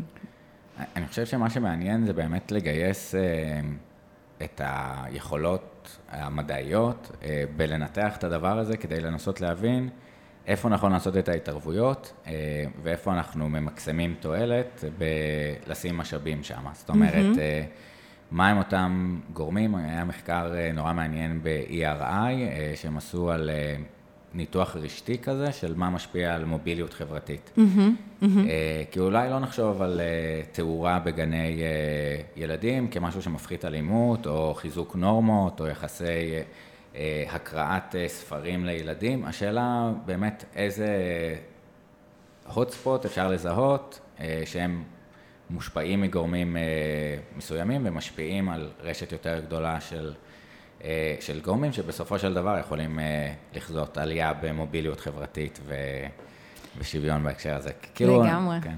יש מחקר נורא מדהים של mm-hmm. אסתר דופלו, זוכת פרס נובל לכלכלה שנה שעברה, כלכלנית התנהגותית מ-MIT, שבעצם הסתכל בהודו על הקצאה של אה, נשים לתפקידי, אה, לראשות מועצת שבטים. Mm-hmm. ואיזה סוג של השפעה היה לדבר הזה, שפתאום היה מקומות שמורים, זאת אומרת שרק נשים יכלו להתמודד על תפקידי הנהגה במקומות מסוימים. איך זה השפיע על האנשים שחיו באותם מקומות, איך זה השפיע על עמדות כלפי נשים באופן כללי, ואיך המנהיגות הנשית השפיעה על חלוקה אחרת של המשאבים. אז זו דוגמה בעיניי מדהימה למחקר שעושה, מסתכל על איך שינויים בפוליסי של ממש אה, משפיעים על היבטים מאוד מאוד מגוונים של החיים, מעמדות אה, ועד חלוקת משאבים צודקת והוגנת יותר. אה, זה, זה מחקרי החלומות ש, שאני חולמת היום לעשות. זה מטורף, איזה איזה יופי של השאלה העוברית הזאת שלה להביא למחקר, בסוף כן, פרס נובל, כאילו כבודה במקומה מונח אה, לגמרי, של... אני, אני חושב שכאילו התובנה גם של, אומרים, RGB אמרה על Women should be in every place uh, decisions are being made, צריכות להיות בכל מקום שבעצם מחלקים את המשאבים, נכון. חלוקת הכוח, ואני חושב שעוד יותר, קצת דיברנו על זה במקומות של ecosystem, שכמה שזה יותר diverse ויש גיוון, המערכת יותר בריאה ויותר עמידה לזעזועים, וגם בנקודת מקבלי ההחלטות, ברגע שיש את הריבוי דעות וייצוג אינטרסים, אפשר לקבל החלטות שבסופו של דבר ממקסמות אה, תועלת חברתית. Mm-hmm. כאילו להגיד, אה, העושר המצרפי בישראל, זה ה-KPI שאנחנו רוצים אה, לחזק. אמירה מגניבה, במקום רק איך להוריד מתחת לאלפיים חולים וסגר הצלחה פונמונלית. אה, יונתן בנדק שואל, אה, האם תקופות שבהן יש משבר אה, אקזנציאליסטי מגביר, על, מגביר קונפליקטים בין קבוצות, או מאפשר גישור בין קבוצות? אני חושבת שיש לא מעט עדויות לזה שמשברים שמגבירים איום, מעמיקים קרעים בין קבוצות ומעיבים על יחסים בין קבוצות, בין אם זה כמו שאנחנו רואים עכשיו, אה, פנדמיק עולמי, אה, שמגביר את הקרעים בין הקבוצות השונות. אה, בישראל יש לנו ממש מיקרוקוסמוס של זה, שהיחסים פה, אני חושבת, מידרדרים בין חילונים לחרדים, לפלסטינים. ובין הקבוצות השונות, ואנחנו יודעים על זה גם תפיסות איום, שכשאדם מרגיש מאוים הוא מתכנס סביב הדגל, הוא חוזר לעמדות מאוד בסיסיות, הוא מקדש אה, דברים כמו ביטחון. אה, אז דווקא כאן אני חושבת שהמדע נותן תשובות יותר מובהקות על, על, על מה עושים משברים ומה עושה איום על בני אדם, לבני אדם. אז אני, אני חושב שכאילו זה, זה מאתגר, כי זה לפעמים, אולי יש פה עוד משתנה שמשנה את התמונה. Mm-hmm. כאילו באיזשהו מקום, אחד אז באמת אנחנו רואים אה, כניסה לדגל ולאיזה משהו שהוא יותר גדול ממני, המשפחה, ערכים, ה legacy, אה, מנהיג אה, חזק, terror management, תראי מהמקום הזה. אה, ומצד שני, כאיום חיצוני אלינו גם, שהוא משפיע על כל קבוצה בצורה דומה, השאלה כמה אתה אולי מחובר לאותו דגל כדי לייצר, או, אבל זו שאלה, זה באמת עוד פעם, כל פעם, איך אתה מגדיר את ה in-group. כאילו, אוקיי, אז סביב הדגל נכון. של המאבק הלאומי, עצרנו כל uh, טיסות וכל uh, אזור גיאוגרפי לעצמו. Um, כאילו, היה פה איזושהי הבטחה פוטנציאלית של אוקיי, אנחנו נדרשים פה לאיום חיצוני, uh, צריך פה שיתוף פעולה בין הקבוצות, uh, כדי לעמוד ביד הזה של עושר מצרפי ונוכל לחזור להתפלל ולהתחתן ולחיות, ו... ומה המאמץ התאפשר לזה. אז אוקיי, זאת אומרת קצת יותר קונפליקטים.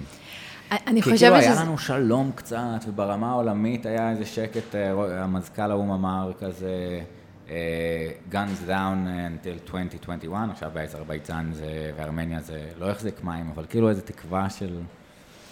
אני חושבת שזה הביא תקווה בתחילת הדרך, אבל ההתפכחות הייתה מהירה, כי כשהשסעים שם, זה, האיום מעמיק אותם.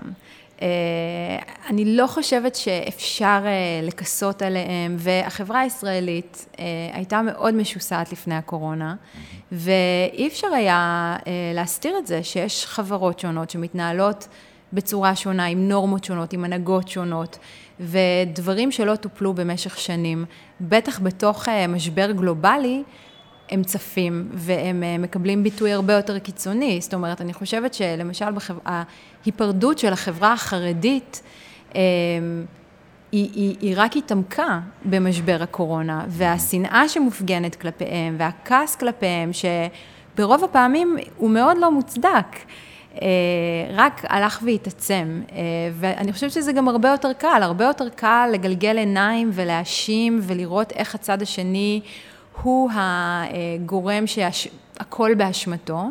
הרבה יותר קשה להסתכל פנימה ולנסות לחשוב, אני תמיד אומרת לסטודנטים שלי, אם מישהו היה בגיל 18 אומר לי שבמקום ללכת ולתת שלוש שנים מחיי בצבא, אני יכולה להתחיל ללמוד והמדינה עוד תשלם לי על זה, ברור שהייתי עושה את זה, זאת אומרת, ואני לא חושבת שאני אדם לא ערכי, אבל אם המדינה מאפשרת לי לעשות את זה, אז, אז למה אנחנו כל כך כועסים על בני ישיבות? זאת אומרת, הם עושים את מה שהמדינה נותנת להם לעשות, הם לא עוברים על החוק. אה, אם מישהו היה נותן לי את האפשרות הזאת, הייתי לוקחת אותה בשתי ידיים, אה, אבל אף אחד לא נתן לי אותה כמובן. אה, וזה דוגמה לניסיון לקחת פרספקטיבה של קבוצה אחרת ולנסות להבין מאיפה הם מגיעים, ושאולי הכעס שלי מופנה לגורמים הלא נכונים. אני לא צריכה לכעוס עליהם, אני צריכה לכעוס על מי שמאפשר את אי השוויון הזה, שזה המנהיגים. אני, אני חושב שזה גם באמת בסוף משאיר אותנו הרבה פעמים עם המקום של היכולת לשאול ולהיות ספקן כלפי גם המידע שמנסים להאכיל אותנו, בין אם שנאה כלפי קבוצות אחרות, פייק ניוז, אבל בכלל לשאול את השאלות, בסוף קצת יותר מנגנוניות. אה, בזימברדו, אז באמת הוא אמר, זה לא כל כך משנה הסטודנטים שהגיעו, זה היה רנדומלית וההתנהגות היא מהמצב והתנאים וה... It's not about the apples, the barrel is uh, רקובה, נכון, כאילו. נכון, נכון. ולשאול איך אנחנו יכולים בצורה מוסדית, אה, חברתית, לשנות, זה באספקט אחד, שהוא קצת יותר קשה, אנחנו יכולים לדרוש את זה יותר מהחברי כנסת, אבל אנחנו לא עובדים בזה ביום-יום. אני חושב שכאילו, אני גם לוקח מפה, ממך את האחריות על הנורמות כזה מסביב, שזה אנחנו יותר יכולים לשלוט על הסביבה הקרובה אלינו, בין אם... אה, אלימות אה, כלפי נשים ולדעת להעיר ולהגיד, היי, not cool, אה, דיבור מסוג כזה או אחר, וגם עם המסכות היה דוגמה נורא יפה. בהתחלה זה המסכות בחוץ, זה עצבן אותי ברמה העמוקה, כי הרגע שזה לא רציונלי, ומעצבן אותי שכפו על ההתנהגות לא רציונלית. כאילו, לגמרי. איזה... ו... וזה היה מהמוטיבציה מהמקום הזה, גם שיחה עם גיא בדודה שלי, וגם עוד שמנו פרק עם איתן אה, רייך אה, של הטכניון, של איך להציג את המסכה ואיך לייצר סביב זה נורמה. אחד, הצניעות האפיסטימולוגית, אני לא יודע אם, אם, אם אני חולה או לא, ולכן אה, אני עוטה מסכה.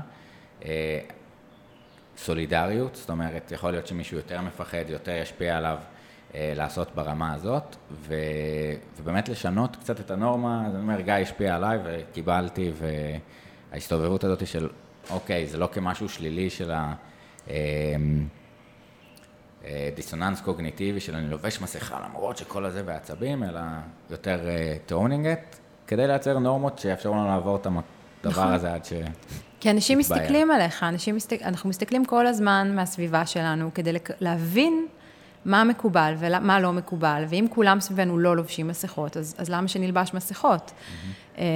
וכמובן, אנחנו מסתכלים ביתר שאת להנהגה שלנו ולאיך שהיא מתנהגת, וכשההנהגה לא נשמעת להנחיות, כשההנהגה מייצרת נורמות של הפרה של ההנחיות שהיא קבעה, לזה אני חושבת יש ממש אה, השפעה הרסנית, ואני חושבת שהרבה מההידרדרות אה, וההתרופפות בישראל נובעת מזה שאנשים מסתכלים על ההנהגה, שאנחנו יודעים שהיא מקור של אה, הבנת הנורמות, היא מקור מרכזי שדרכו אנשים מבינים מה מותר ומה אסור. הם רואים איך מתנהג ראש הממשלה, איך מתנהג נשיא המדינה, איך מתנהגים פוליטיקאים, הן מימין והן משמאל, והם מבינים את המסר היטב. אה, נכון, ה-upper echelon theory, אנחנו מנסים להבין מה קורה, אני חושב שמחקר מטורף לנסות לכמת כמה עלה לנו הארוחת אה, חג הראשונה של הנשיא וראש הממשלה, במיליארדים של שבירת האמון, איך התנהגות כזאת של המשאב שבאמת דיברו עליו מההתחלה של שקיפות, אה, גם פרופסור סיגל סדצקי וגם פרופסור רוני גמזו, שזה המשאב שיש לנו, האמון והשיתוף פעולה. גם להפוך את זה כמשהו אכיפתי מול נורמות ובחירה. זאת אומרת, אני בוחר ללכת עם מסכה, אני גאה שאני הולך עם מסכה ואני מבטל את הדברים כדי לשמור על הקהילה, לשמור על ההורים שלי, לא כדי לא לקבל קנס.